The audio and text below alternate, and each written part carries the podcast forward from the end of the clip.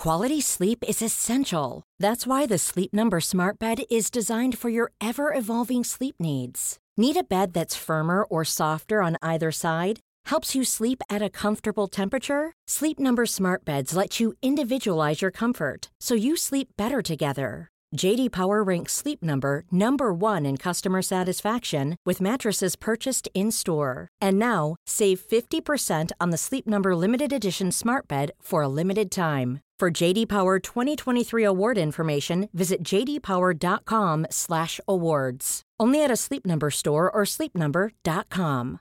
Cool fact a crocodile can't stick out its tongue. Also, you can get health insurance for a month or just under a year in some states. United Healthcare short term insurance plans, underwritten by Golden Rule Insurance Company, offer flexible, budget friendly coverage for you. Learn more at uh1.com.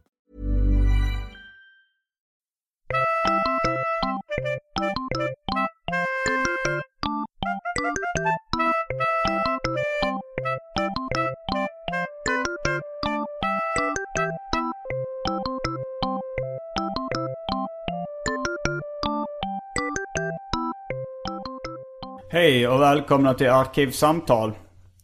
Här eh, sitter eh, jag, Simon Gärdenfors, och mitt emot mig sitter Hanna Fahl. Hallå! Välkommen hit. Tack.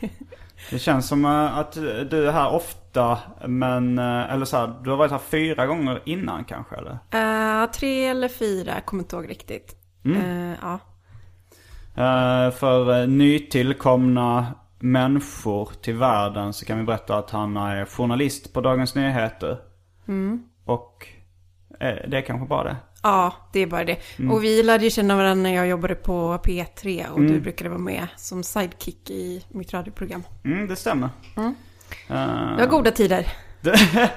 Ja, det, ja, det var kul då men eh, jag vet inte om det har blivit sämre direkt. Nej, nej, det kanske inte har. Det är goda tider både nu och då, kan man säga. Eh, så det, det, det kanske känns lite hastigt och lustigt att kasta oss in på det omåttligt populära inslaget Välj drycken. Men jag tycker vi gör det i alla fall. Ja, vi kör.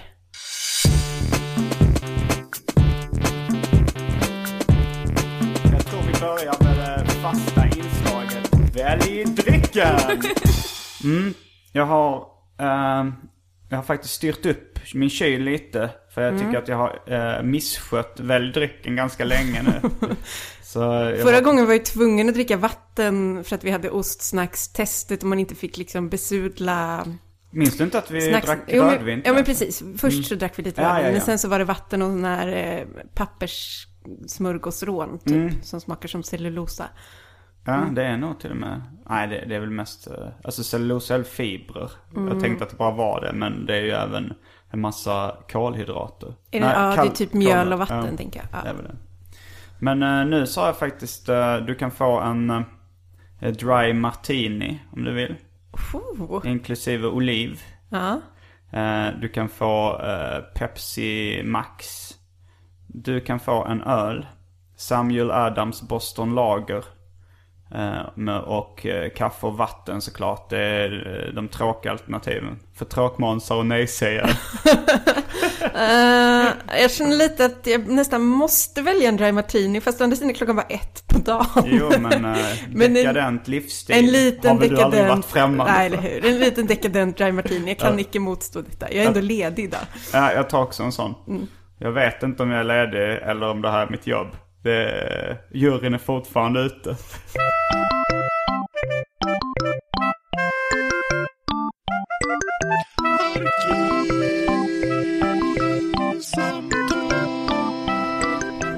Sådär, då är vi tillbaks med varsin draja. Japp, sitter man här som, ett, som en liten grogghagga på tidiga eftermiddagen. Skål där. Skål! Vi ska höra klinget ut ljudmässigt. Är, är Dry Martini en populär drink? Jag Alltså jag vet inte. Det känns som att man... eh, Jag tror nästan aldrig jag har sett någon beställa en, utom på film. Ja, de drack väl rätt mycket det i nattsudd. Ja, det kanske de gjorde. Då tipsade de att man skulle hålla i foten så man liksom inte värmde upp drajan. Ja. Eh, nej, jag är lite, som vi pratade om medan du hällde upp, jag är lite osäker på om jag tycker den är god egentligen. Men man gillar den väldigt mycket som koncept. Mm, livsstilen bakom. Precis. Jag tror jag ska jobba in. Jag, jag har kommit en bit på vägen. Jag tycker det är ganska gott. Men eh, man, jag vill ju att det ska bli min favoritdrink. Här plötsligt. Kämpa, kämpa med det Simon. Ja. det, um, ordet draja också låter så bra på något sätt. Det, man, man tänker så här någon 70-tals eh, man i lite uppknäppt slips och svimmig blick. Tänker du man? Jag tänker kvinna. Du tänker det? Ja, lite, det lite bedagad eh, liksom nattklubbsdrottning. Mm, det är kanske det att vi ser oss bar själva i de här Precis. karaktärerna. Lite sliten och lite matt hår i någon bar.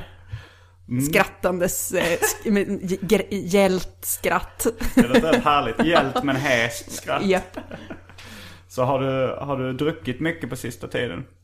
Mm, om jag har druckit mycket på sista tiden? Ehm, ja, jag har varit, jag, eh, jag, får, jag ber om ursäkt på förhand om jag kommer att ha liksom, ingenting intressant att säga i den här podcasten. För jag är liksom precis tillbaka från eh, en dryg vecka eh, på Eurovision Song Contest som ju jag jobbar med varje år. Eh, Säger, eh, alltså ni som eh, jobbar med det. Mm. Säger ni eh, hela det långa Eurovision Song Contest eller? ja, man kan förkorta det till Eurovision bara också. Ni är inte sådär bara eh, tävlingen eller? Det lät väldigt... Eh, Eventet, the event. eh, nej, men man, nej, man säger nu Eurovision tror jag. Ja, okej. Det är som i liksom de insatta kretsarna så avskyr man ju när någon säger eller skriver Eurovisionsschlagerfestivalen. Mhm. För det gör ju vissa tidningar skriver ju det, så Eurovisionsschlagerfestivalen. Och Ja. det tycker vi är ju jättetöntigt, så att det Jaha. säger vi aldrig. Men Ehm, Mello är tydligen okej. Så nej, nej, det är det nej, det, nej. Men har du aldrig, har du Jag aldrig skrivit Mello? nej, aldrig, aldrig. Okej. Nej, Alla andra Melodifestivalen gör alltid. det. Ja, jag gör inte det. Okej. Jag, har, jag har fattat ett exekutivt beslut att vår tidning inte ska skriva Mello. jag blir rasande när någon annan råkar göra Det det. var hemförbud först på DN och sen kom ditt melloförbud. Eh, precis. Fast folk eh, körde väl lite civil olydnad mot uh, hemförbudet. Ja, jag har ju kört lite civil olydnad mot hemförbudet till Vilka, är det exempel. någon som kör civil olydnad mot melloförbudet? Eh, jag, det har hänt faktiskt. Och en kollega var på väg att skriva Eurovisionsschlagerfestivalen här en vecka, men då hann jag ändra det innan. jag liksom gick bakom dens rygg och kontaktade redaktören och bara ursäkta, vi säger inte så på den här tidningen. Det är Eh, roligt att du gjort en så stor grej av att man, för det låter liksom, okej för det är mello liksom- det låter töntigt men Eurovisions, det skulle vara som att man inte får säga de olympiska spelen. nej, Alltså, men det heter ju inte Eurovisionsschlagerfestivalen, det låter ju astöntigt. Heter det inte det? Nej, det heter Eurovision Song Contest. Ja men om man översätter det till svenska. Nej, nej, nej, nej, nej. Ja, hur som helst. Jag är typ precis tillbaka, jag kom hem i söndags. Och då har jag liksom varit en lite dryg vecka i Malmö och hållit på med det här. Och eh, eh, om jag har druckit mycket alkohol på senaste tiden. Jag drack alkohol ett par kvällar under Eurovision-veckan. Ehm, jag var liksom för trött på själva finalfesten för att egentligen bli napackad. Och jag Ja. drack typ två öl och sen gick jag hem och sov. Men ehm, två andra kvällar var jag ganska, då var jag nog ganska full. Drog någon vodka shot på Euroclub och sådär. Euroclub är då den officiella Eurovision Song Contest-klubben som de ordnar. Det ingår liksom i formatet. Så att den ordnas varje kväll under en dryg vecka under tiden det är liksom Eurovision Song Contest. Vilket land den och vilken stad den är i. Eh, och det är festligt. Men så att jag är liksom tillbaka därifrån. Jag har druckit eh, måttliga mängder alkohol under veckan. Eh, jag är helt tom i huvudet. Jag har liksom, det är någon sorts, eh, Post presentation coma. ja Som jag hört typ. att det heter reklamvärlden. Att efter man har gjort liksom, Om man, en stor presentation, ja, eh, då är det post presentation coma. så är man i tom och död tom- efteråt. Ja, ungefär så känner jag mig nu. För att det är också slutet på liksom, jag ägnar ju ändå så här typ två månader om året åt Melodifestivalen och Mm. Eurovision Song Contest på heltid liksom. Och då är liksom dygnet runt de två månaderna. Hur, eh, hur blev det så? Alltså så här, har du varit en, en fan av schlager tidigare? Ja, det har jag. Ehm, absolut. Och jag, för, typ- för ganska länge sedan så var jag med i juryn ett år också. Och valde ut de här låtarna som är med. Kul. Ja, det var kul. Tyvärr så var det året när Martin Stenmark vann. Jag vet inte om det här säger dig någonting, men det är ett oerhört pinsamt år. Eh, Så att eh, Jag får bara upp en bild på Martin Stenmarks ansikte från tidningen Coupé. På Ja. min näthinna, som aldrig har kunnat suddas ut. Nej, det är, nog, det är nog en ganska korrekt bild tror jag. En låt som heter Las Vegas. Som gick så här. In Las Vegas, in the neon lights. Och den var hemsk. Påminner lite om Stad i ljus som var min referenspunkt. Alltså det var då lite jag hoppade av uh, när Tommy Körberg körde Stad i ljus. Som förresten blev... Den är ändå ganska bra. Ja, den blev framröstad till en av de populäraste eh, svenska slaglåtarna Mm. någonsin. Men uh, nej, jag, det var inte riktigt min grej. Jag kommer ihåg jag, när jag var uh, liten, då lyssnade jag på ja, Depeche Mode. Min brorsa fick in mig på att lyssna på det. Och så gick jag så här och hoppades då att uh, de skulle tävla för Englands räkning i. Men jag fick inte tag på deras alltså, så här, musikvideos eller kunna se dem live på något annat sätt. Åh, Så nej, så så du satt uppe på kvällen och bara hopp, tänk om det är dem, tänk om det är dem. Men eh, nej men jag, jag, jag tröttnade. Jag tror det sista jag såg var symfonin med Loa Falkman. Ja, men alltså jag, du, jag tror kanske att du skulle kunna uppskatta det faktiskt om du tittade nu. I år var det till exempel en av, Rumänien skickade en helt spektakulär grej som var typ så här opera fast sjungen i jätteljus falsett. Att det lät typ som så här, typ en kastratsångare fast han, är, han är, det heter någonting, typ så här countertenor eller något. Eh, och så hade han en så här eh, klänning på sig som var, överdelen var liksom Dracula-inspirerad med typ en stor krage och paljetter och underdelen var en kjol. eh, Typ. Och så stod han på ett podium som liksom hissades upp i luften så att kjolen blev flera meter hög på slutet. Och så hade han ett köttfärgat typ tygstycke liggandes framför sig där det liksom föddes fram i någon sorts födsloscen olika dansare i nakendräkt. Det låter som det är så en kul grej att skriva om och läsa om. Men kanske, alltså det, jag, jag tänker lite som när man kollar på så här kultfilm. Att Här, här, ja. jag orkade inte ens slänga upp uh, citattecken eftersom det inte kommer sy, synas i radio. Men, eh, men jag menar så här, om man kollar på en så kallad kultfilm. Då kan det vara så här jättekul att, att prata om efteråt. Och kanske skriva en recension av. Men jag tycker det är ganska tråkigt när man väl sitter där och ser det. För det, det, är, så, det är så segdraget. Alltså så här, det är, de här grejerna, när man kokar ner det till essensen och skriver om det, då blir det rätt rolig underhållning. Ja, jo, du har, du har en poäng där. Du har en poäng. Fast jag gillar att titta på det också. Kollar du på kultfilm också? Mm, nej. nej. Det Men jag ordet tycker att det, det är så äckligt. Jag vill inte ta det, i 80-tal. mitt- jag vill inte ta det i min mun. Äckligt och vulgärt. Eh, ja, nej. Men, eh, men du, eh, vad, vad har du gjort? Hur går det med den här Kiss-skandalen som jag har läst lite om på Facebook? Eh, jo, eh, det, den går bra. Den, eh, i, det har inte gått ett dygn sedan vi postade. Okej, jag kanske ska berätta för lyssnarna vad det var. Det var så att eh, jag och Frej blev eh, bokade till Emmabodafestivalen som far och son. Och då eh, så kom vi på en liten gimmick. Att eh, om det här inlägget om att vi skulle spela där delades 2000 gånger eller mer på Facebook. Så ska vi kissa i byxorna på scenen. Eh, och ha gråmelerade byxor på oss så att kisset ska synas extra tydligt. Det här är en så jävla dålig idé Simon. Det blir, Det det blir liksom- ju en like-raket och ett klickmonster. Ja men det är ju lose-lose liksom. För antingen så delas den inte 2000 gånger och då har ni typ så här lovat att kissa, det är det mest desperata man kan tänka sig, lova att himla kissa på sig och så delas inte ens statusen 2000 gånger. Eller så delas den 2000 gånger och måste ni pissa på er på Emmaboda. Ja men... Vad är vinsten i det här? Kan ni förklara? Ja, Man måste, jag känner någonstans att man måste våga leva lite. man måste ta, man måste, man får inte, alltså, Tror du, så- tror du verkligen att det är det, som, det ögonblicket där du står på scenen med kiss i byxan, kommer du verkligen känna så här, nu, nu lever jag? Jag tror det är mycket möjligt att jag kommer känna det. Men alltså det, jag tänker att det kommer bli ganska svårt ändå för att eh, dels måste man ju vara, för att alltså om man blir lite nervös som ofta är när man står eh, på scenen.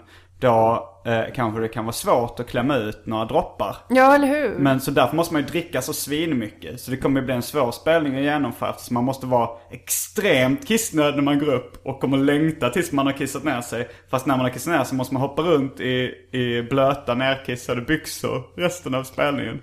Så det är typ en halvtimmes uh, hålla sig. Och sen, Har ni sen, tänkt i så fall att det här ska bli på slutet av spelningen, att det blir så här the big reveal innan extra numret typ? Eller? Ja, i mitten tänkte vi ha det. Ja. Eh, och, Nej. Vad fan. Och så ska ni liksom ta er och sitta i någon himla taxi till något hotell Ja, vi får nog ha torra och- byxor i logen. Fast det låter coolare att ta sig, att gå runt och sen Ja, men även om ni drar på er torra byxor så Ja. vet ni att det är liksom urin på hela kroppen och så bara...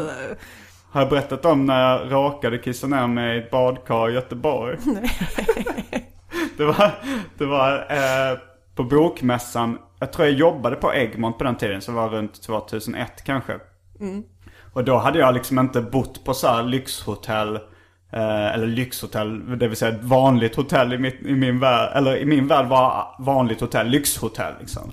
Jag sa att de hade en sån här, det var kanske Gotia Towers eller Scandic Hotel eller någonting i Göteborg. Eh, Scandic var det nog.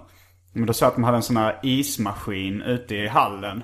Och du var det här är det goda livet. Ja, jag nu lever det, jag, så nu lever jag. Nu lever jag. Så jag tänkte att jag går och köper en flaska mousserande vin. Hade jag haft råd till champagne hade jag förmodligen köpt det. Men jag hade bara råd till en slapp flaska spanskt mousserande vin.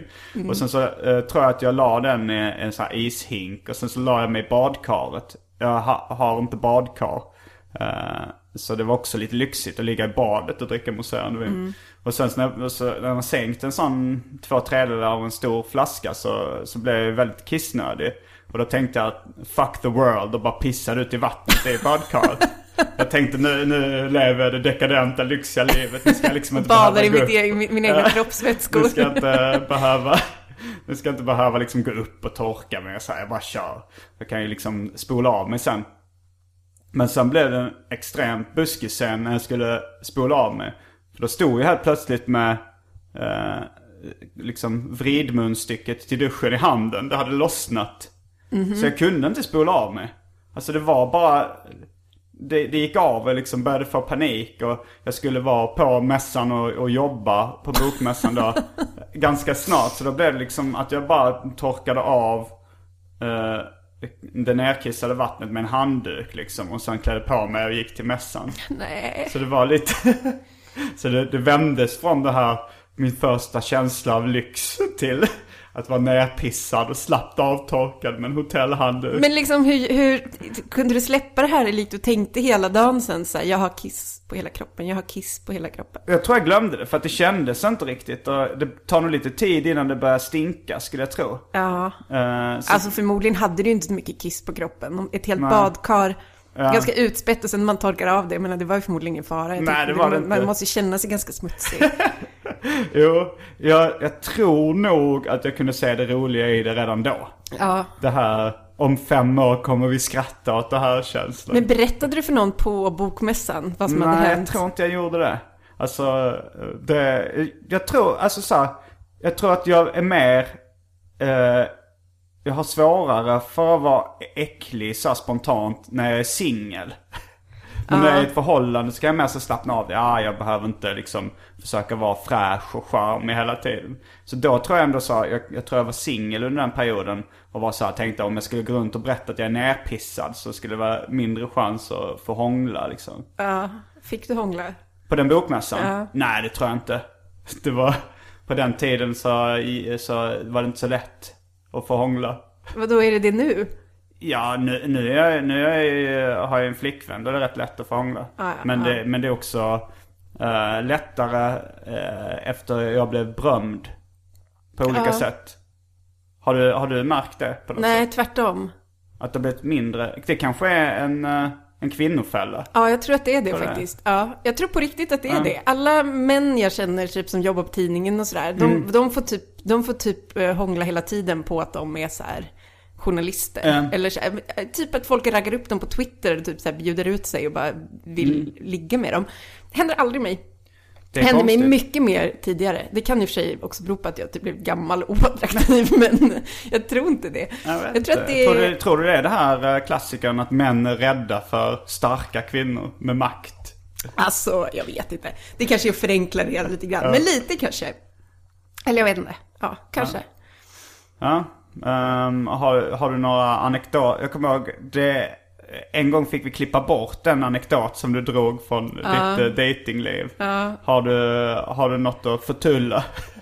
Nej. Du slipper om du vill. Alltså jag har inte det, jag önskar nästan att jag hade det. Eller jag önskar jag hade något som jag bara, mm, det har jag fast jag kan tyvärr inte berätta för det är så himla pinsamt eller det är så himla hemligt. Men nej, mitt, eh, mitt kärleks, mitt, mitt datingliv är i princip icke-existerande. Så att, eh, tyvärr. Det kanske är svårt i uh, schlagerfestivalsammanhang för att liksom det är bara så här uh, kändisar där? Nå, alltså, det är ju en massa andra människor också, men Mm. det, de är ju till kanske åtminstone 90% homosexuella män. Så Mm. det, det är inte så, de är inte så intresserade av mig, om man säger.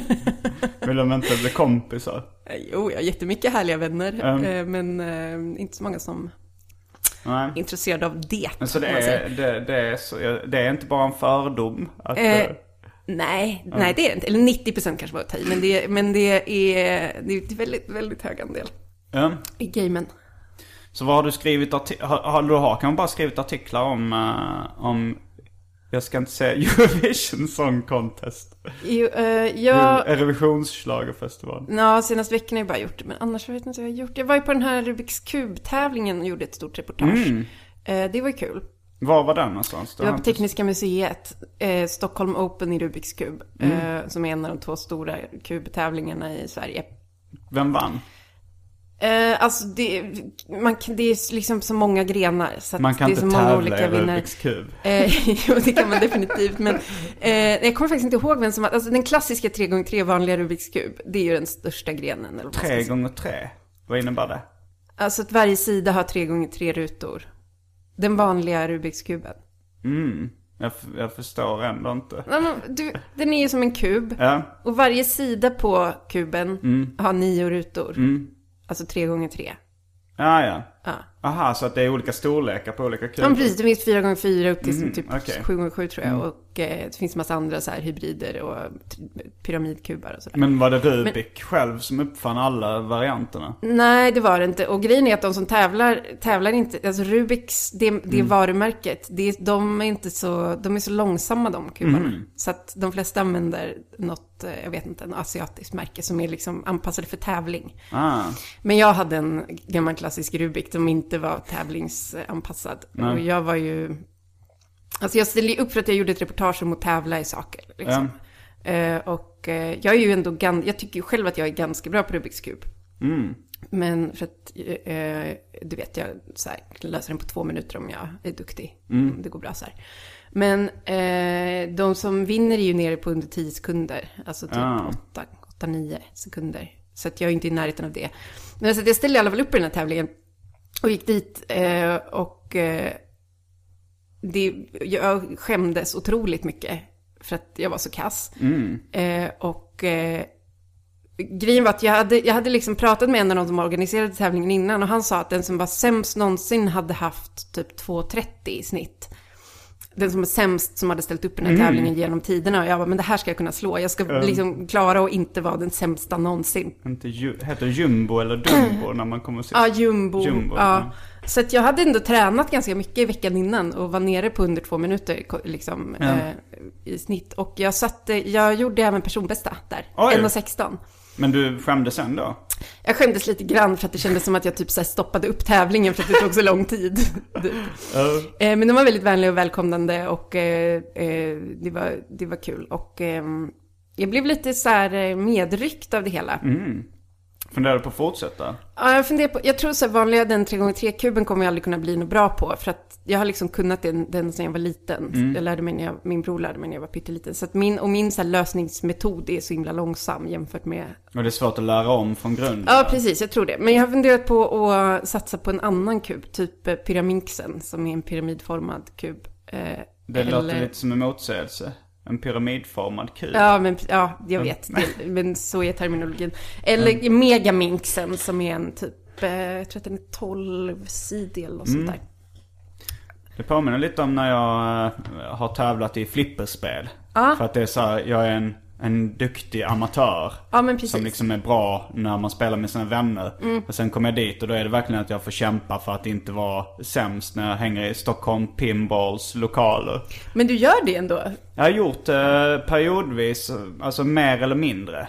Och jag har, jag har ställt upp i någon, någon tävling liksom. Sådär. De har, eh, jag tror det är vid Midsommarkransen, eh, eller där vid, vid Aspudden eller någonstans som de har en, en sån här källarlokal där de har hundratals flipper. Och eh, alla är inte uppställda, vissa är liksom nedmonterade. Men det är ändå ofta liksom eh, 50 flipper eller någonting som, som eh, mellan 20 och 50 ska jag säga, som står uppe. Och så har de så här, så får man betala en hundring och så får man spela hur mycket man vill. Och så kör de lite turneringar och tävlingar och sådär. Det är de Stockholm Pinball. Jag intervjuade en tjej som håller på med flipper som är en av de, en, är liksom en av de bästa i Sverige. Mm, men henne har jag träffat rätt mycket på de uh, tävlingarna.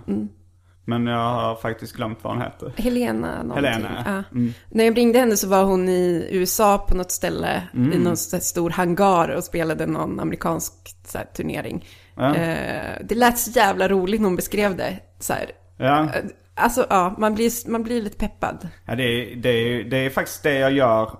Mitt fritidsintresse kan man säga. För att jag har gjort nästan alla andra fritidsintressen till jobb. Alltså så, här, så jag tjänar väl lite pengar eller liksom det leder till någonting. Kanske den här podcasten tjänar inga pengar på men liksom det leder till att jag får ut mitt namn på något sätt kanske. Men flipper leder ju egentligen till ingenting och jag kan inte tjä- jag förlorar bara pengar på det. Så det kan Det är det du räkna som- unnar dig själv när du ska Ja. göra något riktigt kul. Jo, jag gör det nästan varje dag. Alltså ofta. Gör du det?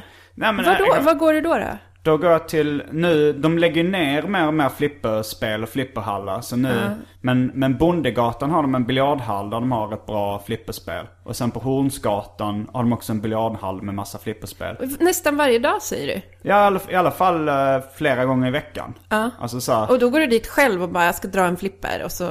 Ja, ibland så är det väl någon kompis som hänger med. Men, eh, men ofta är det liksom också för att jag sitter hemma och skriver och gör grejer. Eh, och liksom får ingen frisk luft. Och när jag har handlat mat, då finns det ofta liksom inget påhittat ärende som jag kan göra för att få lite luft och en liten paus. Så då går jag ofta ut och spelar, spelar flipper. Men du har aldrig tänkt på att satsa då? Nej, alltså det, det, dels så är det ju så att jag har så mycket andra grejer som jag har liksom satsat på och bestämt mig för att bli bra på och lagt ner tid på det. Så det är ganska skönt att ha eh, en sån grej som, eh, som fritidsintresse.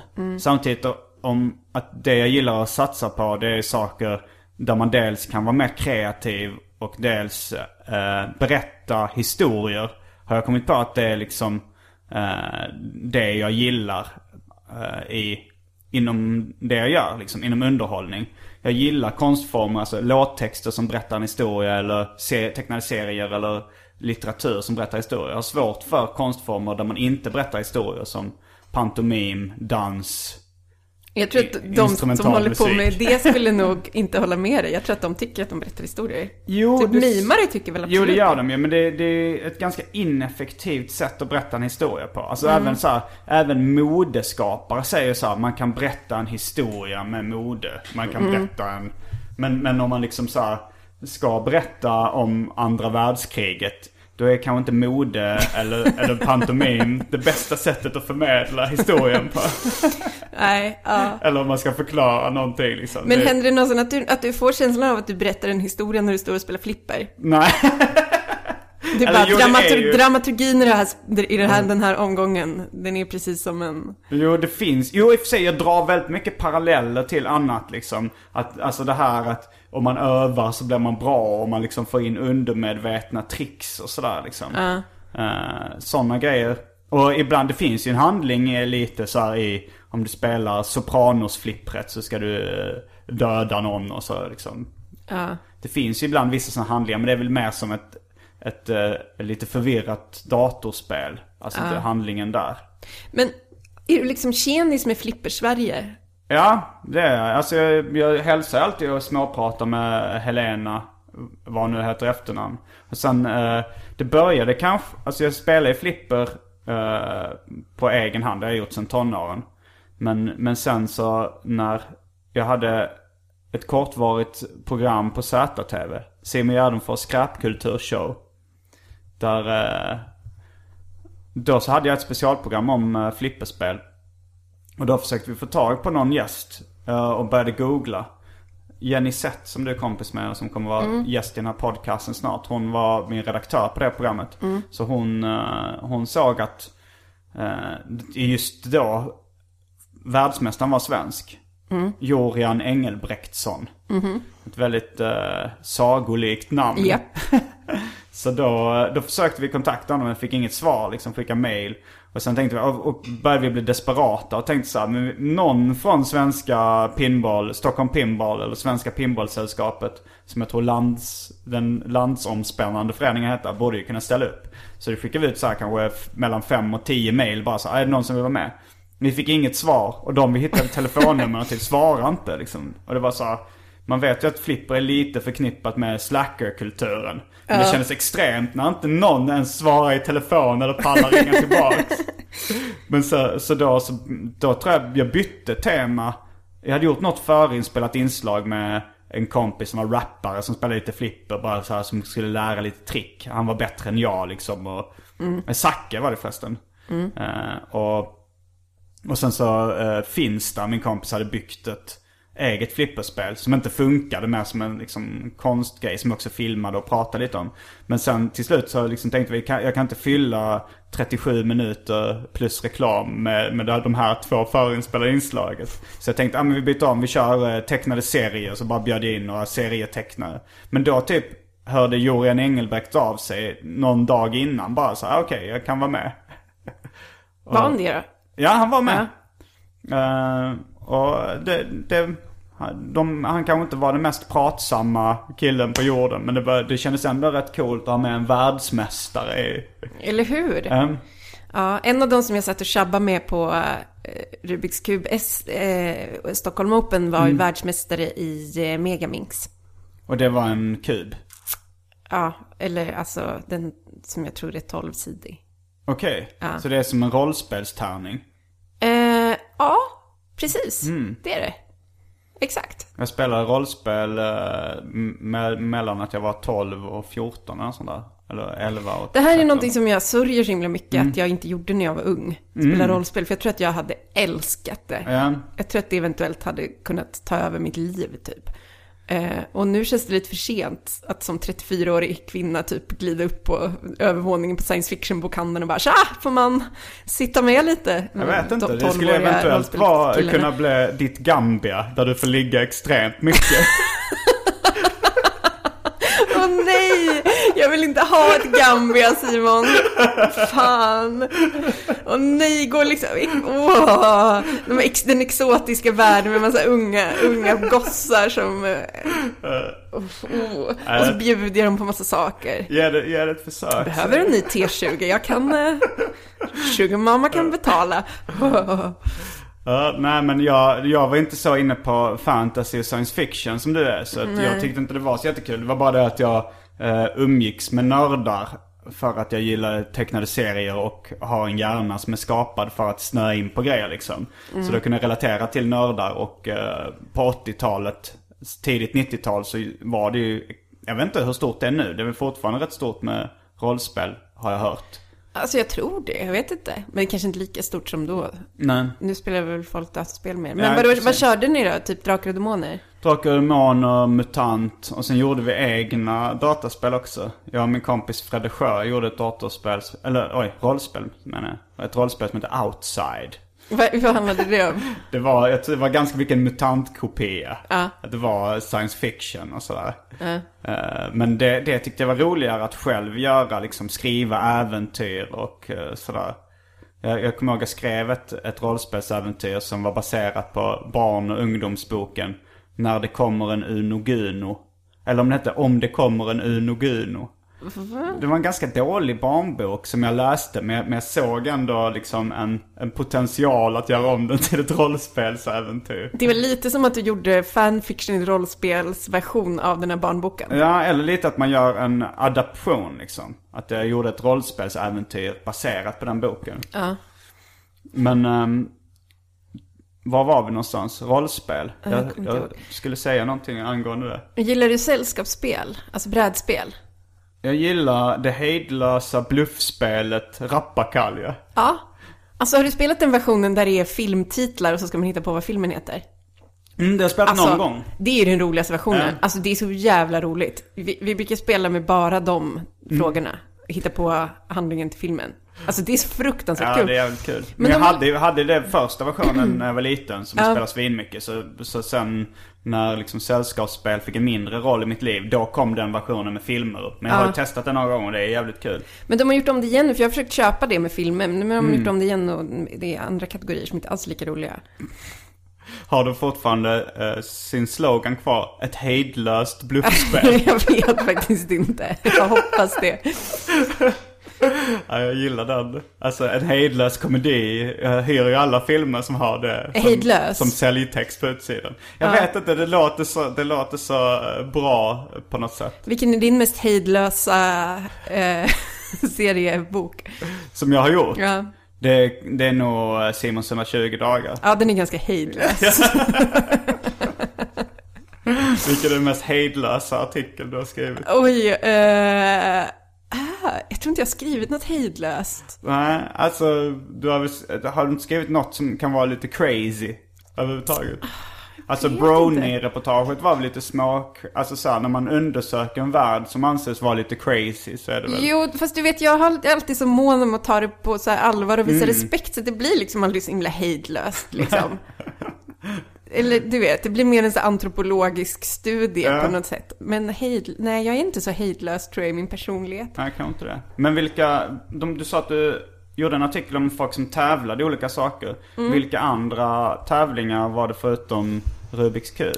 Eh, ja, men det jag, det jag gjorde så här mini kortintervjuer med en massa olika. Det var flipper och så var det Mm. hockey, bordshockey, eh, gräsklippare, åkgräsklippare. Mm, coolt. Ehm, Alltså bordshockey, Ordvits. det, det, har ju tänkt på det eftersom man säger bordshockey, att man tänker att folk blir sura istället för om man säger bords, ishockeyspel. Ja, Och samma sak med barngolf och minigolf. ja, eller som Eurovision Song Contest då, Eurovisionsschlagerfestivalen. Men Hans Österman, numera journalist på Aftonbladet, han var eh, typ världsmästare i bordshockey ett tag. Och han kommer från Hjärup, min hemort, och är Mm. lika gammal. Så vi, vi har hängt rätt mycket.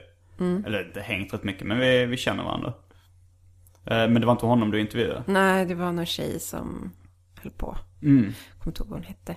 Men, alltså, men jag tycker det är så spännande med, med det här med att tävla i saker som... ehm, eh, men tävla i de här liksom, sakerna som är så helt oviktiga, men så, Mm. så tar man det på så extremt stort allvar. Och jag har ju också, alltså det roligaste med det är ju, det tog jag inte så mycket upp i den här artikeln, eller jag tog inte upp det alls, men jag har skrivit om det lite grann förut, är folk som fuskar i de här sakerna. Oj, alltså ja. det är så jävla spännande, varför man Kong. gör det. Alltså den filmen om professionella Ja, datorspel. precis. Eller, eh, Precis, där blir ju fusk, Ja, fuskanklagad där. Men det finns ju också, det finns en helt fantastisk historia om, om en, gud jag får så här déjà vu, har jag berättat den här förut i din podcast? Jag tror inte det. Jag säger till om du har gjort det. Ja, men sudoku-bedragaren. Nej, det har du inte berättat. Nej, för att det är ju en historia jag snubblade över för några år sedan. ehm, av en slump. eh, som var att det hade varit sudoku-VM då. Det här kan vara typ 2006 kanske någonting. Eh, och eh, det var, jätte, det var liksom helt uppståndelse i sudoku-eliten. För att det hade dykt upp en spelare, eller en, som tävlade, som ingen kände till innan. Han var liksom helt okänd i sudoku-kretsar. Och han liksom gled igenom alla kvalomgångarna. Och bara krossade allt motstånd. Han var så jävla snabb. Mm. Och, men folk, så började folk liksom fatta lite misstankar. För att, ja men det var lite som att han eh, löste dem lite så här ologiskt. Oj, la ska pengar säga. i sudoku då? Alltså jag inte så mycket Ja. pengar. Det var en liten prissumma, men det var Mm. inte som att det var så här supermycket pengar. Man blir inte rik på sudoku liksom. Och sen så hade han också hela tiden eh, en hatt och en luvtröja på sig. eh, och eh, till slut så var det då någon som, de blev så misstänks, misstänksamma att eh, innan finalomgången så bad de att få visitera honom. Och då sa han, ja absolut, jag ska bara gå på toa först. eh, och så gick han på toa och så kom han ut och så visiterade de honom och hittade ingenting. Men då införde de en ny regel, helt sna- hastigt och lustigt, att man inte fick ha hatt på sig när man spelade. Ja. Och eh, han var ju med i finalen då och jag tror att det var tre stycken i finalomgången och eh, var fullkomligt värdelös och eh, förlorade så himla stort. Så att han hade haft en fuskmaskin i sin hatt. Vilket uh, kvällstidningsord. Fuskmaskin. Jag vet. Och de lyckades aldrig, de, det var ingen som riktigt hittade den här, maskin, liksom, den här utrustningen han hade haft. Men förmodligen hade han väl haft någon liten kamera monterad i hatten och en Mm. medhjälpare och, eh, som, och liksom, någon sorts öronsnäcka. Och, men eh, frågan är då, då måste ju medhjälparen varit eh, väldigt bra på Ja, men han hade väl ett datorprogram då, Aha, satt det utanför kan man med. kan lösa med datorprogram. Ja, absolut. Eh, och sen så när de började nysta i det här i sudokuvärldseliten så visade det sig att samme man hade ställt upp i schack-VM också och eh, blivit avslöjad för fusk och hade även haft någon sorts fuskapparatur där också. Ja. Så otroligt spännande. Och jag frågade runt lite på kub, eh, kubtävlingen också Mm. om det någonsin förekom fusk där. Och de bara nej, nej, så här, tror inte det. Men så var det någon som kom på att, att eh, det faktiskt hade förekommit. För att det finns en gren som går ut på att man liksom tittar på kuben och ska skriva ner lösningen. Alltså man vrider den Ah, inte, utan jävlar. man skriver ner lösningen och så får någon annan liksom följa den och så eh, om den blir rätt då så är det den som snabbast har skrivit ner lösningen som vinner. Ja. Och där var det en eh, döv person som hade med sig en eh, tolk. Som hade fuskat på något vis. Att tolken hade haft typ någon sorts mobiltelefon eller dator med sig och eh, levererat, eh, nej, levererat lösningen. Och, jävlar. så, hade, ja. så att det fuskas i allt. Det är så himla spännande. Mm. Vad driver en att fuska i en sån jävla skit oviktig grej? Jag fattar inte det. Det kanske blir en sport att, i sig att kunna fuska och, och inte bli upptäckt. Ja, jag att man känner att man blir det. bra på att fuska. Ja utan- men precis, att det är det som blir sporten då. Att det är det som ger tillfredsställelsen. Men Mm. ja, det är så spännande. Jag tyckte det var rätt roligt i skolan att, eh, att liksom hitta på sätt att fuska på i skolan. Mm. Som inte avslöjas. Som till exempel ett trix var när man hade glosor i språk. Så, så hade jag en ny lång blyertspenna. Och sen ristade jag in glosorna med en nål i pennan. Så jag bara kunde sitta och titta på pennan och läsa alla glosorna vi hade Gud vad avancerat. Ja, det tog säkert lika lång tid som att lära sig dem. Ja. Men det var, det var, Det var roligt, det var spännande och roligt ja, att fuska. Gud, jag fuskar också skitmycket. Mm. Typ redan på så här, lågstadiet och så. Jag hade fusklapp med mig. Med olika, du vet när det var geografi, man skulle kunna huvudstäder och sånt. Och eh, på gymnasiet också, när man fick ha, vi fick ju ha miniräknare då för att jag läste natur. Mm. Och den kunde man ju programmera in med så här ren, alltså dels så här fuskformler och dels så här ren text typ. Man kunde skriva in text i den. Så det gick att fuska hur mycket som helst. Eller typ så här göra små anteckningar i blyerts i sin formelsamling och sånt där. Jag gjorde det skitmycket. Ja, det var rätt lätt. Eh, Det roligaste fusket det var en kille som gick i min klass. Som tidigare i den här podcasten gått under namnet En svensk man. och han, eh, han eh, råkade av misstag bränna upp sitt hus. Nej. Jo, det, det började med att han de hade en gammal brödrost som, eh, som fastnade ganska lätt när liksom man tryckte ner bröden så åkte de aldrig upp. Och så tänkte jag, ah, men det här funkar inte. Vi ställer den i, bara ställer den i bokhyllan och sen ska jag lägga ner den i källaren eller vad de har tänkt göra med brödrosten.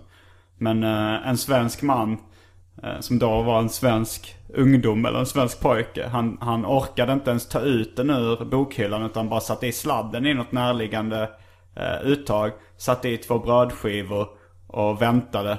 Och sen glömde bort brödskivorna och åkte till skolan. Och sen så stod huset i lådor, Nej. lågor. Det var liksom ett trähus. Men var det ett fusk? Jag förstår inte kopplingen. Nej men sen så var det så att han, eh, hela hans familj fick eh, försäkringspengar för, eh, för huset. Så han, han, alla hans kläder hade brunnit upp. Så han fick köpa en ny garderob. Och då så, så hade vi prov på Paris geografi. Eh, På en lektion. Och då på franska av någon anledning ska vi lära oss Paris geografi. Det var ett prov vi hade i det. Och då så var jag och shoppade kläder med honom och då hade de på, eh, jag tror det var på Rabbit. Eh, alltså H&M's barnavdelning eller? JC's JC's bar- barnavdelning. mm. Jag tror det var där han köpte en Musse Pigg i Paris t-shirt. Där det var en Pariskarta och en liten bild av Musse Pigg på tröjan. Vi tänkte, ja men vi har prov på det på fredag. Så, så, och då så sa men ska du ha på dig den? Så sa jag, ja ja om ifall, eh, ifall de tänker på det så kommer det ju bli taget som ett skämt att jag kommer in med liksom fusklappen på min t-shirt.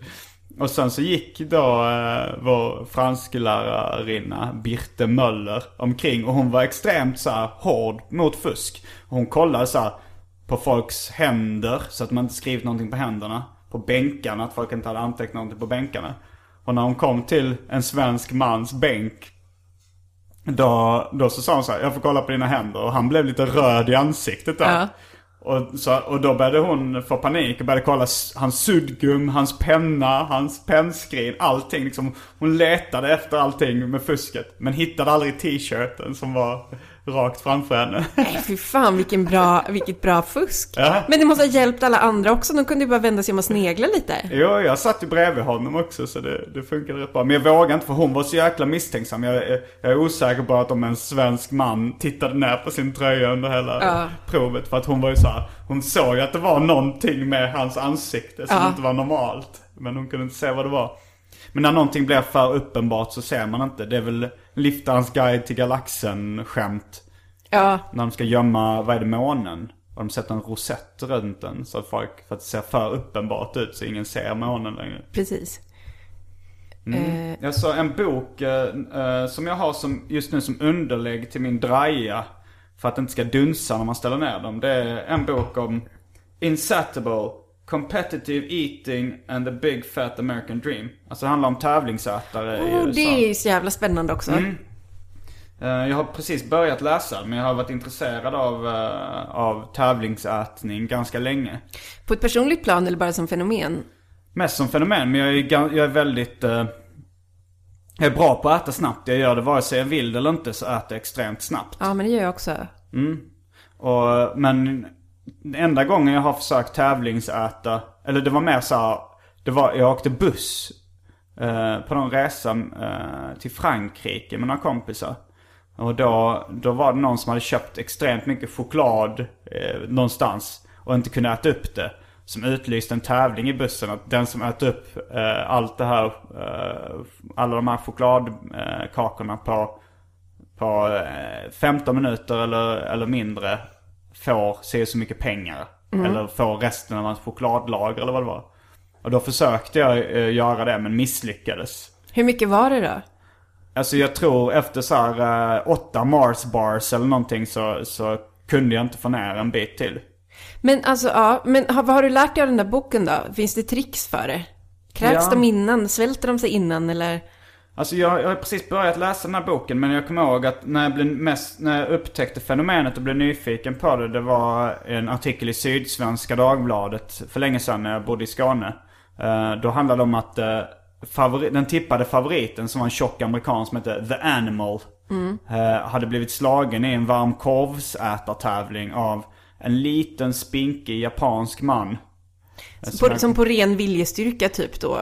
Eh, På ren teknik, tror jag. Ah, okej. han, hade, han hade vunnit lite ramenätartävlingar i Japan och liknande. Han, han var liksom en bra, fast eh, hans tricks att äta varmkorv snabbt, det var att eh, ha med sig en skål med vatten.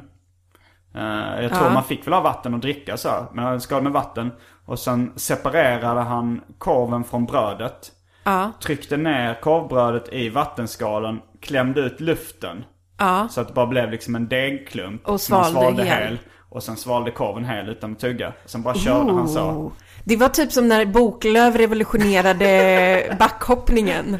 Att han bara kom med en helt ny teknik och, så, och ingenting var sig likt efter Ja. det. Men frågan är varför det var bra med, alltså för, för dagens ungdom kan vi ju berätta att eh, han stretade med skidorna. Alltså han, han gjorde, Ja, precis. Han gjorde så här V-stilen. men jag tycker det borde ju vara mer luftmotstånd med V-stilen än med någon annan stil. Jo, men alltså man vill ju glida så länge som möjligt. Ja, ja, på luften, för ett, man eh, vill komma så långt som möjligt. Ett segel. Ja, precis. Ja, nu förstår jag. Ja, och grejen var att man får ju poäng för stil också. Gud, varför kan jag allt det här? För att min bror, för att min bror var intresserad av sport.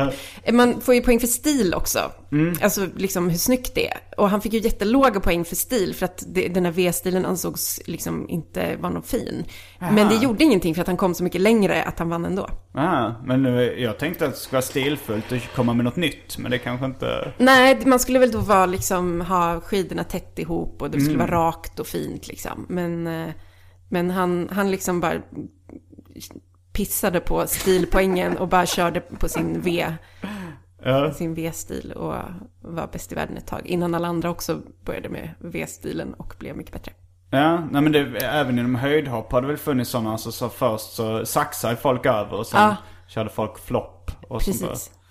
Men vad, men vad tror du, men är det liksom, måste man träna upp sin magsäck så att den blir väldigt stor då eller? Är det något sånt man måste göra? Förmodligen måste man väl göra det, fast jag vet inte eftersom det är många asiater som är smala, som är bra på det ändå.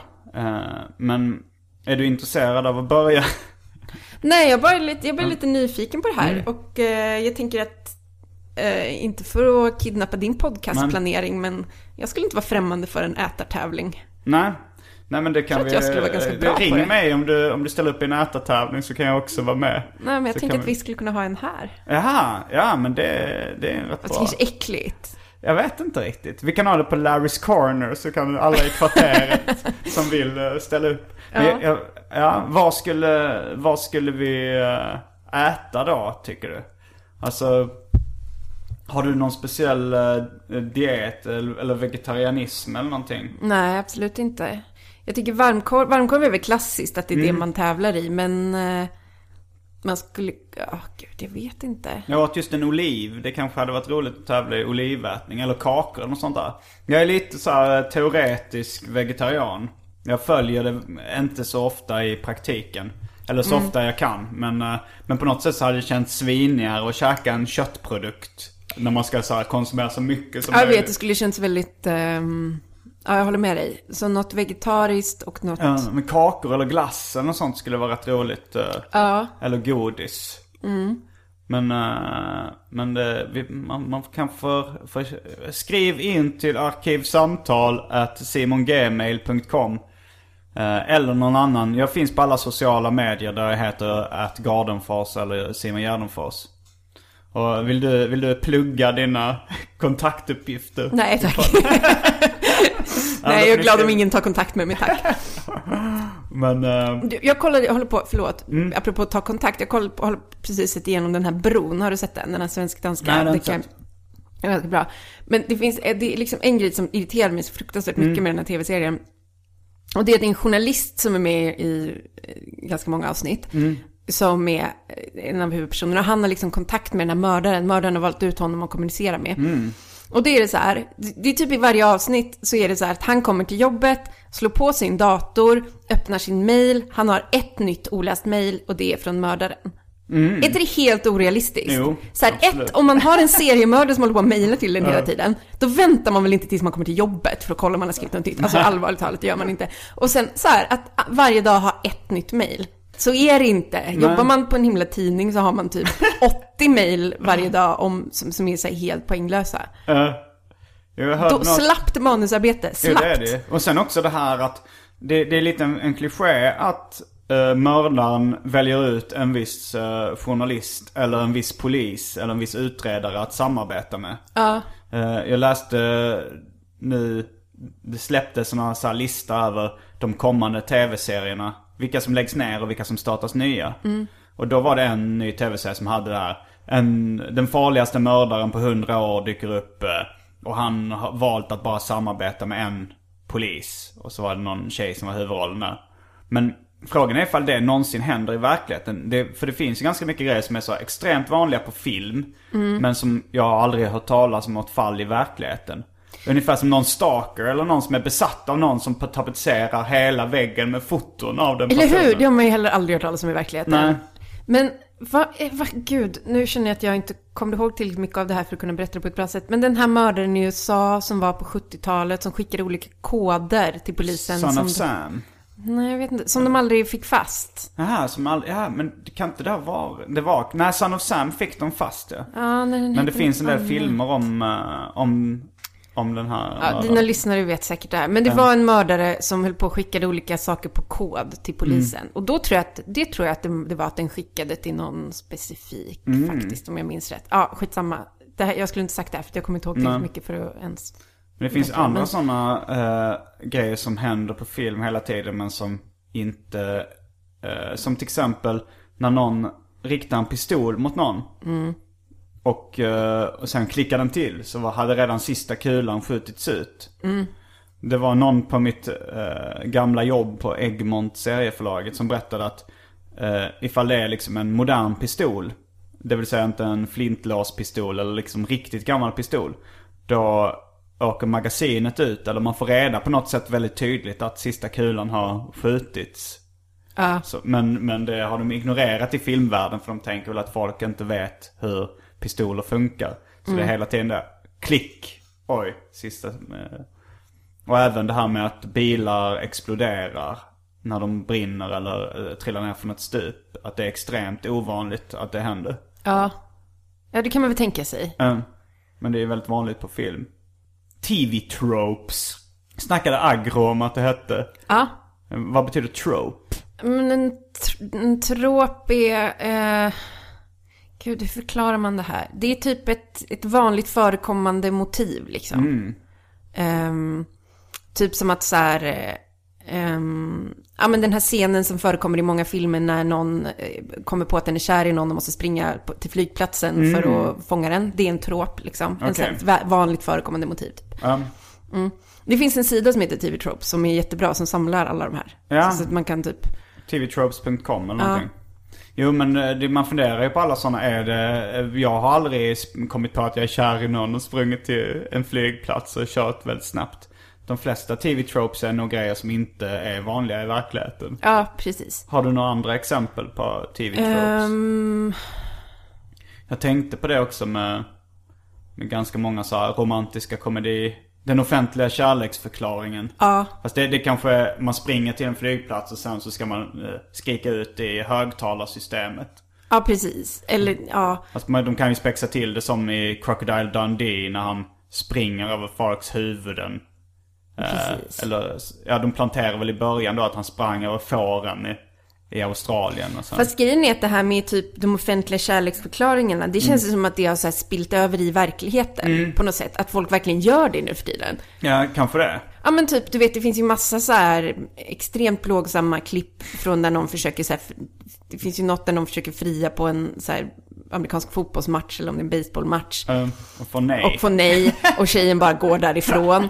Och, alltså gud, ja, jag vet inte om jag får berätta det här, men min syrra, en av min, min syrras eh, kompis, Eh, en svensk kvinna eller en svensk man kan du kalla det. eh, en svensk eh, man, eh, friade till sin tjej som han hade känt i typ två veckor på ett oerhört obekvämt sätt på en middag.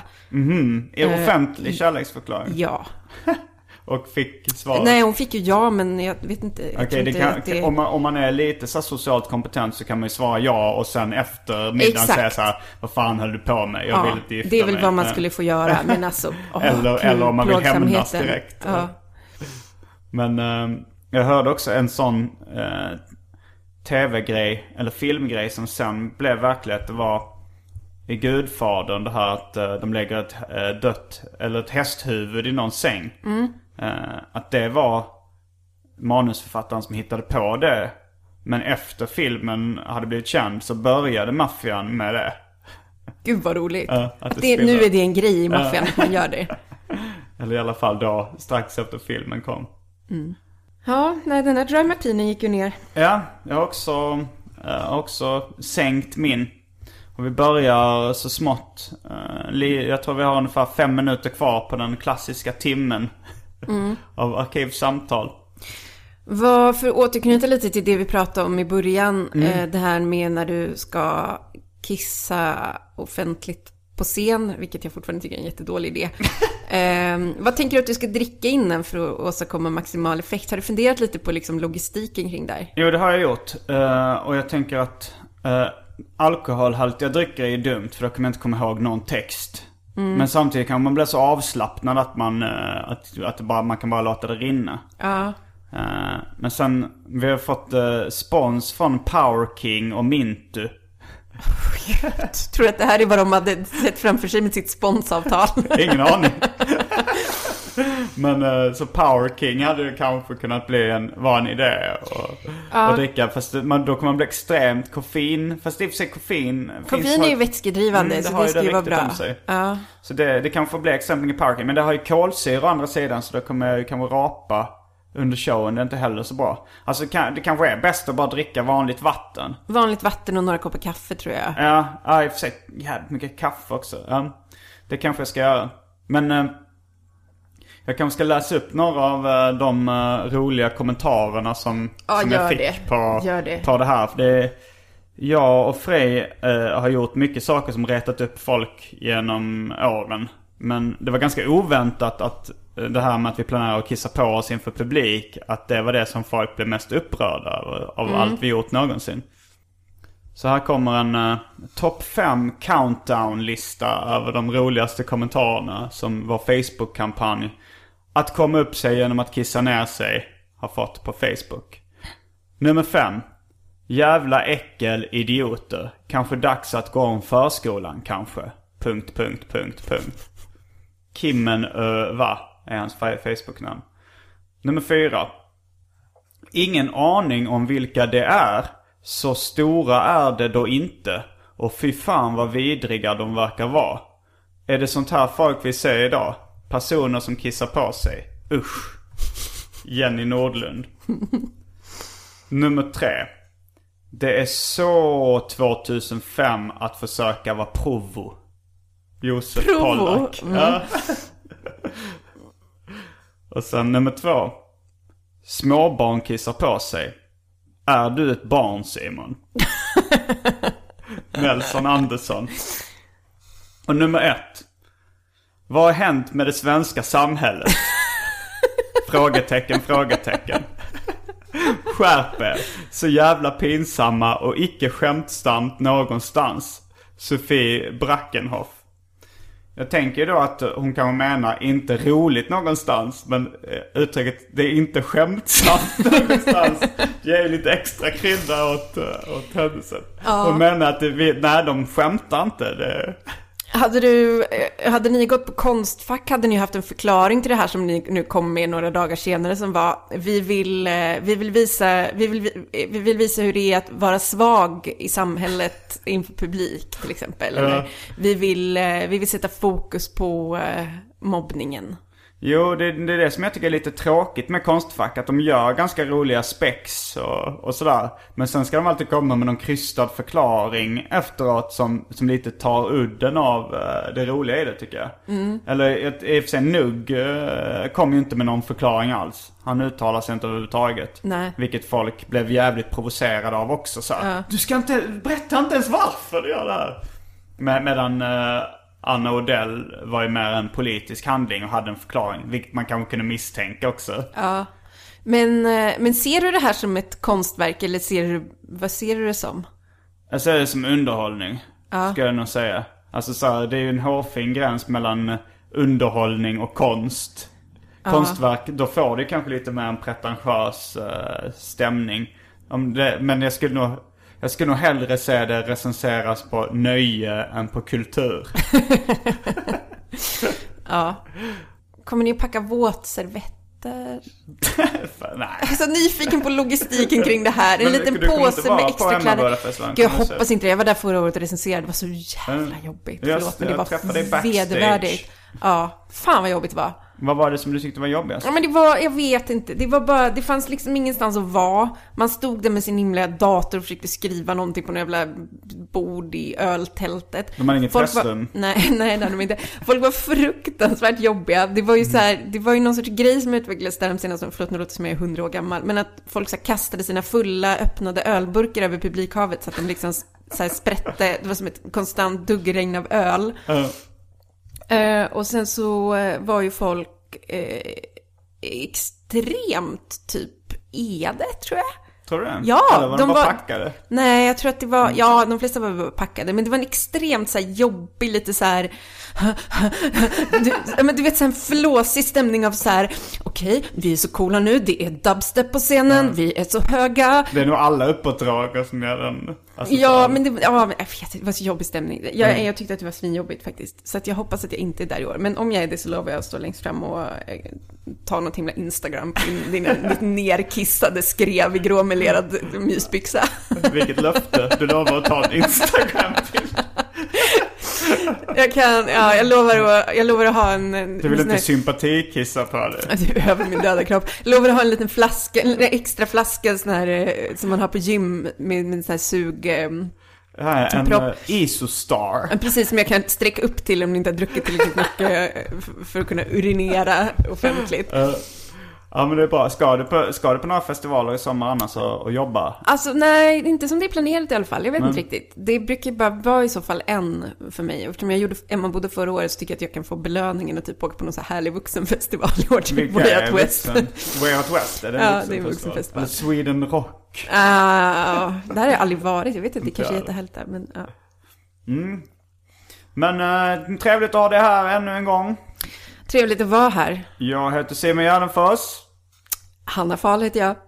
Fullbordat samtal.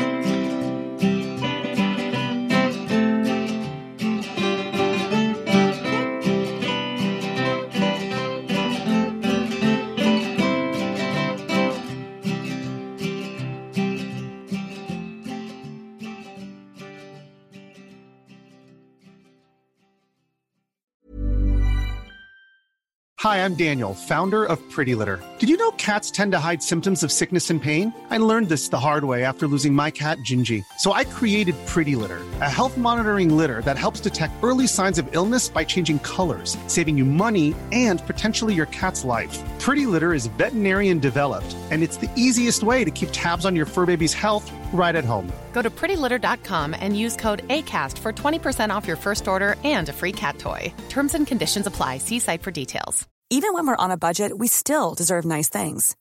Quince is a place to scoop up stunning high end goods for 50 to 80% less than similar brands. They have buttery soft cashmere sweaters starting at $50, luxurious Italian leather bags, and so much more. Plus, Quince only works with factories that use safe, ethical, and responsible manufacturing. Get the high-end goods you'll love without the high price tag with Quince. Go to quince.com slash style for free shipping and 365 day returns.